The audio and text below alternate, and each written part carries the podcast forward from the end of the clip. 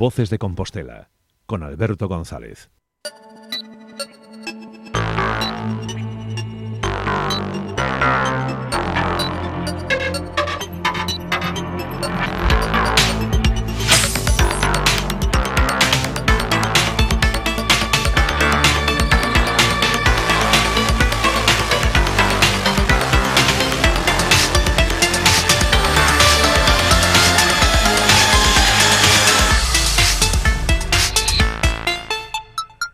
Zona Wi-Fi con Xavier Roland.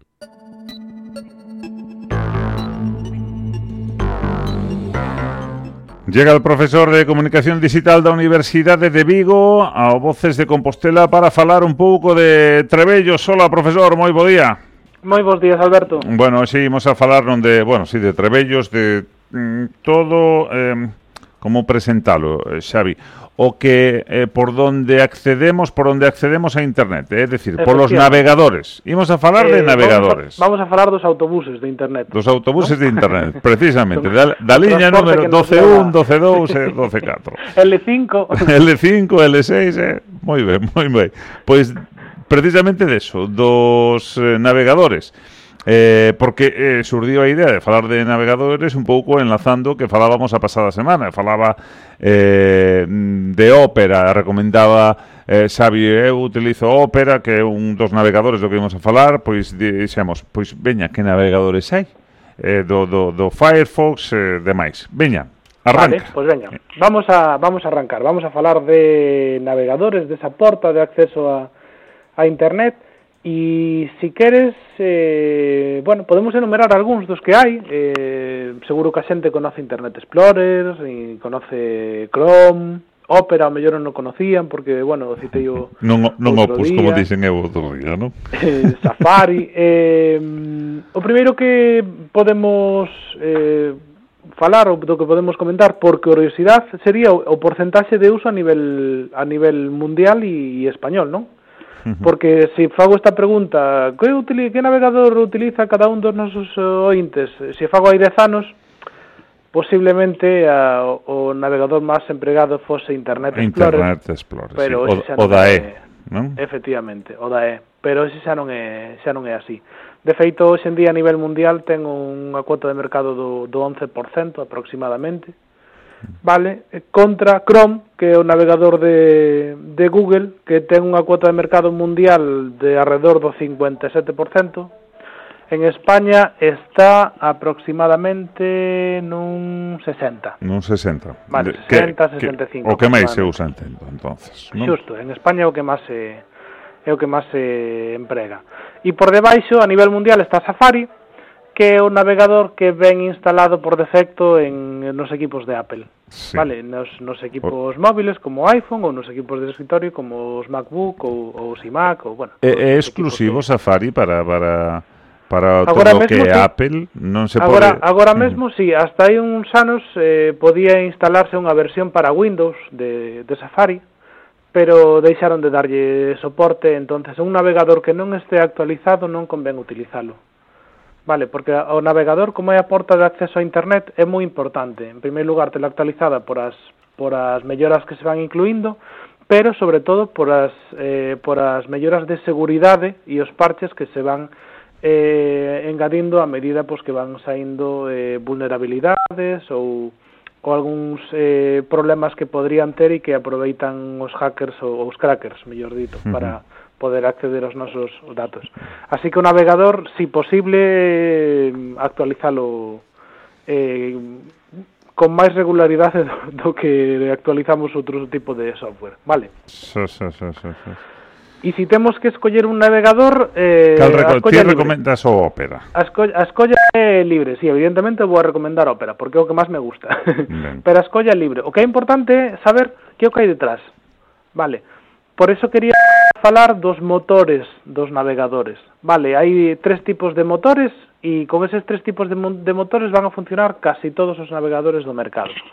Vale, hai, por exemplo, o motor, o motor de Microsoft, eh, Trident, e con ese motor funcionan. Sí, como, como, como a marca de chicles, efectivamente. Pois pues con ese motor funciona Internet Explorer, que é un navegador que todos conocemos, sí vale? E o navegador novo que ven en Windows 10 e que traen os equipos máis recientes que se chama Microsoft Edge. EDGE. Uh -huh. Que non ten moitas diferencias, pero bueno, eh, que vantaxes ten Internet Explorer sobre o resto dos traballos sobre o resto dos navegadores? Pois que se si necesitas traballar coa administración, sí. non che queda outra que utilizar Internet Explorer, mm, vale? Va, vale a página no. da Xunta, por exemplo, sede.xunta.gal, se utilizades un, un certificado digital, eh, non hai tutía de facer que funcione correctamente con outros navegadores. A min non me quedou máis remedio que utilizar Windows e unha versión de Internet Explorer para poder traballar. Vale, ou a, ou a página de Facenda ou a página de Hacienda Estatal, Vale, e que además utilizan versións de, de Java diferentes e complica un pouco máis a cousa. Eh, hai que casi hai que ter un máster, eh, para para traballar. Iso que lle pregunten as gestorías que se encargan da bueno, pues do, do pago de impostos e de, de outro tipo de actividades económicas de persoas físicas e xurídicas que ao final te, acaban traballando con Internet Explorer porque para traballar coa administración eh, acabas eh, te, tes que pasar por aro, non che queda outra. Xa sa, sí, vale, y es, es, un canto motor de motor Trident de Microsoft. Despois hai outro motor que é o motor Gecko, mm. que é de Mozilla, e como é de Mozilla, pois é o que vai utilizar Mozilla Firefox, vale? Firefox é outro é outro dos, dos, dos navegadores, navegadores. Máis empregados e máis coñecidos. Creo que actualmente debe ter unha cuota de mercado mundial eh, dentro 9 ou 10%, Vale, en España varía un pouquiño, pode estar lixeiramente por encima, pero bueno, eh, sí que sí que son uns números máis ou menos similares. Cal é a principal vantaxe de Firefox? Pois que a unha alternativa, eh, unha alternativa de navegador en software libre, vale, que mm, é relativamente rápido e xa non consume tantos recursos do, do sistema, tanta memoria RAM como consumía hai un par de anos. Vale, agora sí que sí que está ben, está afinado, ten un catálogo de extensións que non non é o máis grande do mundo, pero por exemplo sí que é mellor que o de sí que é mellor que o de Apple. E ten experimentos e están facendo probas moi moi interesantes. Vale, hai un hai unha, un, un dos experimentos que se chama Firefox Pilot e a través del pois podes, por exemplo, utilizar as pestañas, as lapelas, para abrir eh, páxinas de Twitter con diferentes usuarios, sin ter que abrir outro Sin ter que cerrar o usuario. sin ter que pechar o usuario, nunha pestaña tes un usuario, en outra pestaña abres outra vez Twitter con outro usuario, que ese é algo tremendamente útil. Sí, porque hai xente eh, que so, igual ten par de Sí, o normal é utilizar de diferentes de Twitter. navegadores, claro. Eh, falo, teño unha persoal e teño unha o, de o programa. E outra ¿no? do programa, por exemplo. Sí, vale, sí, pues, pois, eh, o, o normal é que utilizaras un navegador para cada unha das contas, pois pues, a través de Firefox Pilot eh, se podría facer eh, o de utilizar unha pestaña diferente para cada usuario de... Uh -huh para cada usuario de, de Twitter. Non? E esa é unha, unha gran ventaxe. Ten un servizo, por exemplo, para mandar arquivos de gran tamaño, que podría sustituir, por exemplo, a outros servizos como WeTransfer, que se utilizan para enviar arquivos de, de varios megas que non se podrían enviar por correo electrónico porque son demasiado pesados. Sa, sa, vale, sa, todo isto integrado no propio no propio navegador. E despois está o terceiro motor, vale? Falei primeiro de, de Microsoft eh, Trident, falei de Mozilla Gecko, e hai un terceiro motor que é o máis empregado do mundo porque é o que máis navegadores ten, que é o motor de motor WebKit. Vale, sobre a base de WebKit eh, están Safari, que é o que decíamos, bueno, o pues que está integrado Mac. no ecosistema de Apple, ten pouquiñas extensións, pero é moi rápido, e só se pode utilizar agora mesmo en, en equipos Apple, e está o máis empregado do mundo, que é Chrome. Chrome é un navegador de, de Google, é o máis empregado, aproximadamente o 60% da, da cuota de mercado mundial, ten moitísimas extensións e aplicacións de terceiros para aumentar as funcionalidades, eh, está obviamente perfectamente vinculado con todos os servizos de Google, Google Maps, o correo de Google, Google, eh, Google Drive, eh, moitos, to, moitos todo, servizos. Sí, sí, todos os servizos que Pero que, claro, que como como é moi grande, como ten moitas extensións e como eh, permite un abanico de opcións moi elevado, tamén é certo que cada vez consume máis recursos do sistema. Entonces, se si queredes seguir utilizando o motor de WebKit, pero Chrome non é o que vos convence, bueno, pois pues está Chromium, que a, o código liberado de, de Chrome para facer outro tipo de experimentos. A diferencia é que o navegador Chrome ten un logotipo de cuatro colores, vale? Parece sí. que están centrifugando a cor azul no medio. Uh -huh. Pois o logotipo de Chromium é exactamente igual, pero son tonalidades de azul. Ah. Vale, un chamase Chrome, outro Chromium. E despois está eh, o meu favorito. Vale, non vou a ser obxectivo aquí, obviamente, porque me gusta moito a Opera, que tamén Opera. utiliza o motor de WebKit. E por que me gusta moito? Pois porque mm, se reinventou por completo desde hai desde hai un par danos, porque pode utilizar tamén as extensións de Google, que é unha cousa ah. moi útil. Uh -huh. Vale, non non só necesitas Chrome para utilizar as extensións de Google, sino que podes utilizar Opera. Uh porque tamén integra de maneira nativa servicios de terceiros como WhatsApp ou, ou Telegram, vale, aparecen nunha pestaña lateral, os servicios de WhatsApp e Telegram, e sin ter que abrir unha nova pestaña, podes acceder a tua conta de, de WhatsApp ou Telegram se, a, se configuras. Eh, é tremendamente rápido, vale, por eso me gusta moito este, este navegador, e posiblemente as dúas mellores eh, opcións eh, deste navegador de Opera son que inclui un bloqueador de anuncios integrado, Um... Sin ter que instalar un adblock ou outro tipo de, de anuncios.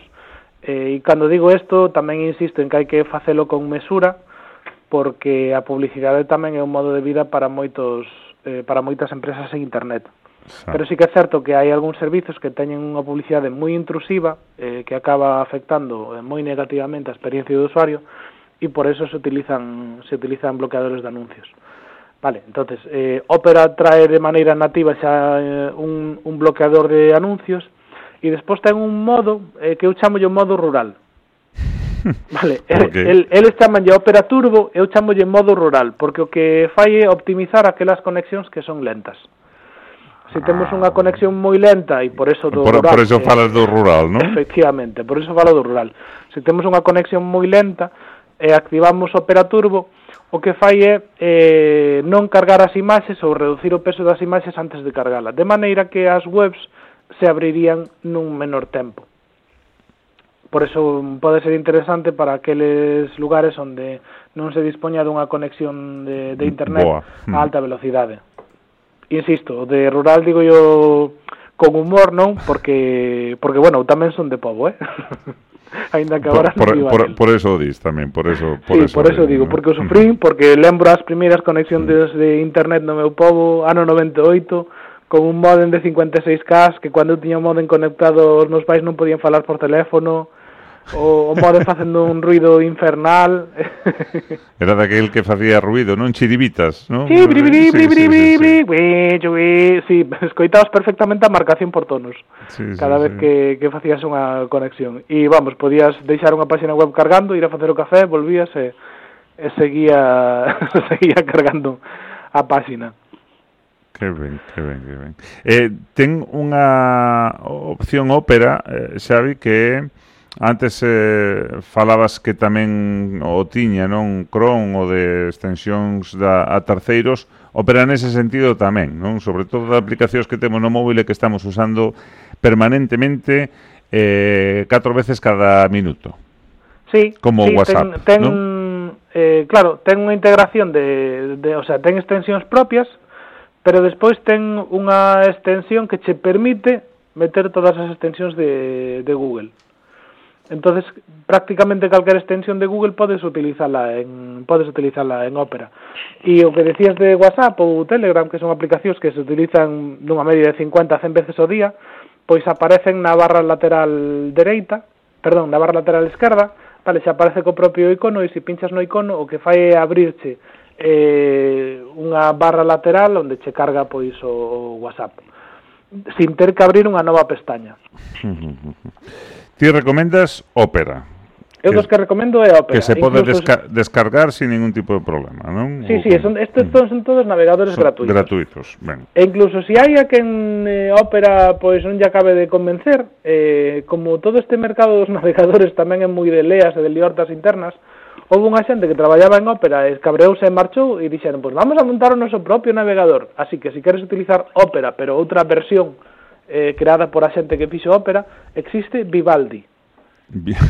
vale, ben. vale. Vale, vale, vale. Vivaldi, ben.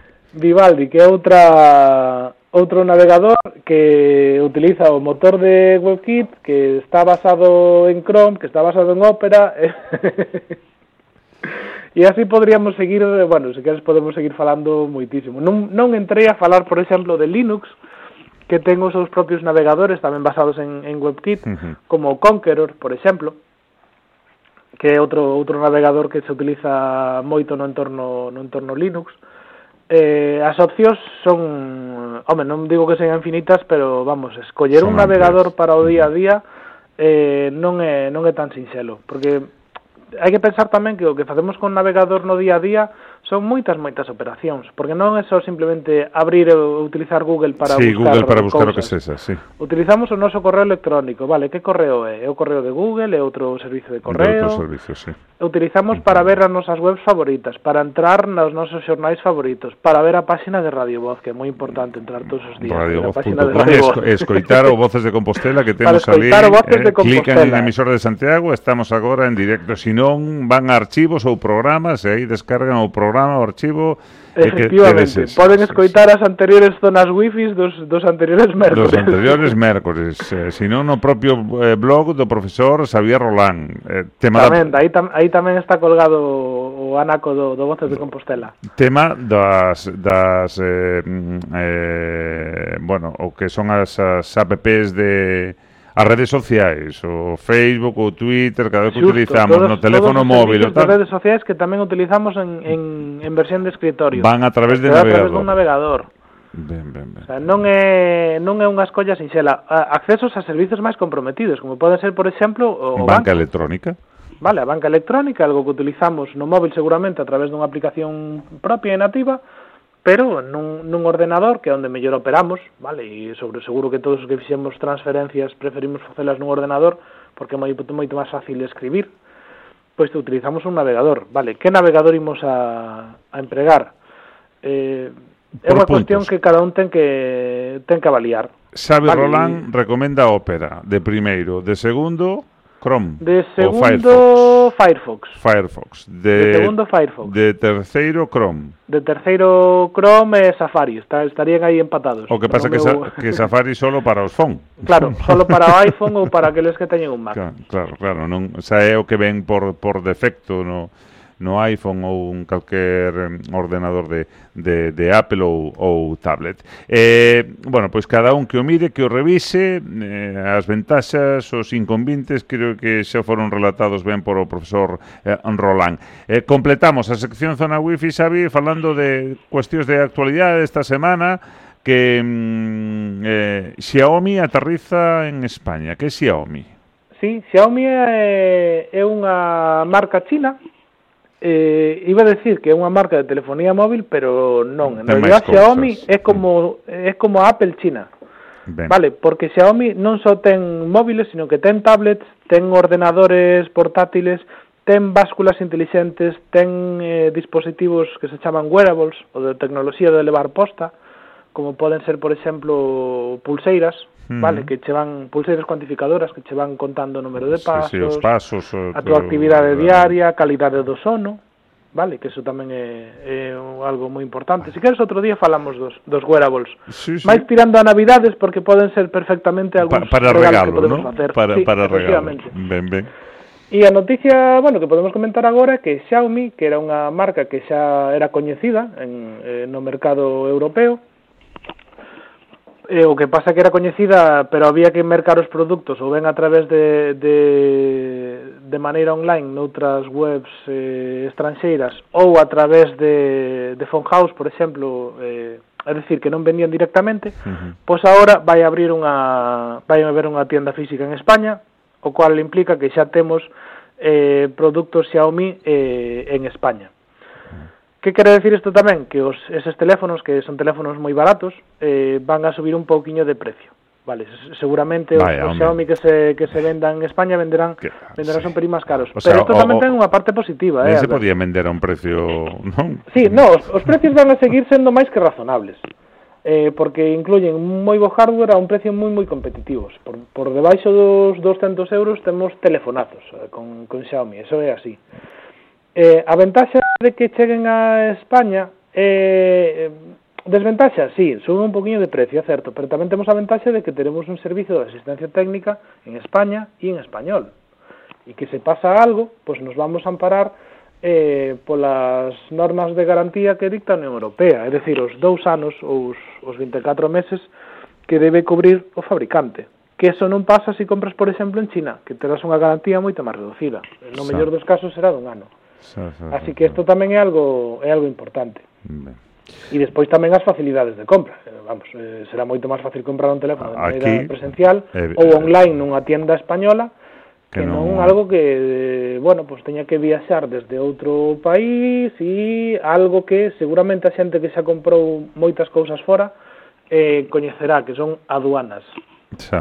E que te podan paralizar o teu pedido e ter que pagar un, un prezo a maiores para poder recibir no teu domicilio ese, ese pedido. Bueno, Así pues, que, bueno, creo que é unha boa noticia sí. que Xiaomi chegue a, a pois, España. Pois a ver se si chega preto de nós, aquí cerca de, de Compostela. Outro aspecto máis, outra das noticias da semana, eh, mm, que non xogou PC Fútbol long, sobre todo sendo do xénero masculino, non, Xavi? Pois chega agora para como APP, non? para Android e para iOS, PC Fútbol eh, volve outra vez, eu creo que este é máis para os nostálxicos dos anos 90, non? E dos que dos que xogamos no ordenador a este a este simulador. Bueno, pois pues, eh simplemente que podremos volver a disfrutar aqueles que xa pasamos da, dos 30 anos eh, os que teñen tamén 40 anos que seguro que na súa adolescencia eh, xogaron a, a PC Fútbol pois poden volver a xogar, tamén posiblemente podrán ensinarlle aos seus fillos, non? pois mira, eu xogaba isto. Sí, pero os fillos, así... pero eu xa juego a la liga, non sei sé que, papá. Sí, claro. sí, no, e o comunio tamén, non? sí, bueno, eso, eso é outro aspecto, pero así, falando de, de xogos de fútbol, é que cada ano hai que renovar o PC Fútbol, non, PC Fútbol é este do o que FIFA. estamos, o FIFA, estas O FIFA e o Pro Evolution Soccer, o Pro Evolution que son, os Soccer, que o, eh, son os que se comen sí, sí. o mercado. Ahora o 18, eh, papá, xa, claro, pero aquí, xa aquí estamos apelando, o 19, non?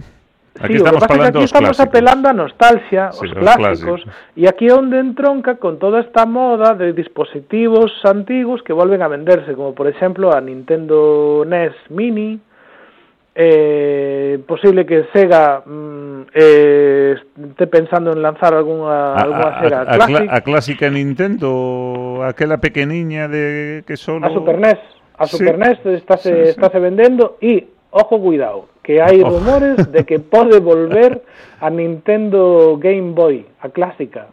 Aquela, aquela que tiña unha pantalla que era gris, pantalla sí. verde con dous botóns e unha cruceta. Si, sí, nada máis. Vale, hai rumores de que de que pode volver, eu creo, eh, de feito, o sea, teño que facer unha confesión, Alberto, eu ti eres, teño, pero eso meu... é máis ti eres moi vintage, non? Bueno, moi vintage non sei, por menos teño moito cariño a miña infancia e adolescencia e teño non teño guardada no queixón a, a primeira Game Boy. Bueno. A primeira teño varias, eh, teño desde a primeira Game Boy hasta a actual a 3DS que tamén a teño. Eh, teño varias Game Boys, eh, están guardadiñas como se si foran o meu tesouro. Mm, perfecto. Bueno, pois iremos apuntando se si chegan ou non chegan, se acceden seguramente ahora de cara ao Nadal, de cara ao Reis, de cara a Papá Noel. Sí, posiblemente. Son este tipo de produtos que se lanzan para nostálgicos en épocas moi concretas para para poder para esta época. Falando de nostalgia, fai uns programas falábamos de Spotify desa cápsula do tempo, eh, donde sí. un recupera a súa música do, do seu tempo. A min eu dende que dixo Xavi teño aquí eh, pinchada picada e nos vamos a despedir este Tears for Fears. Vale. Eh? Sorry.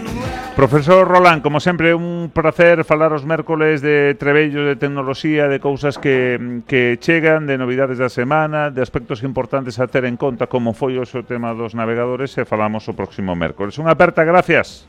Un abrazo, Alberto. Ata semana que ven.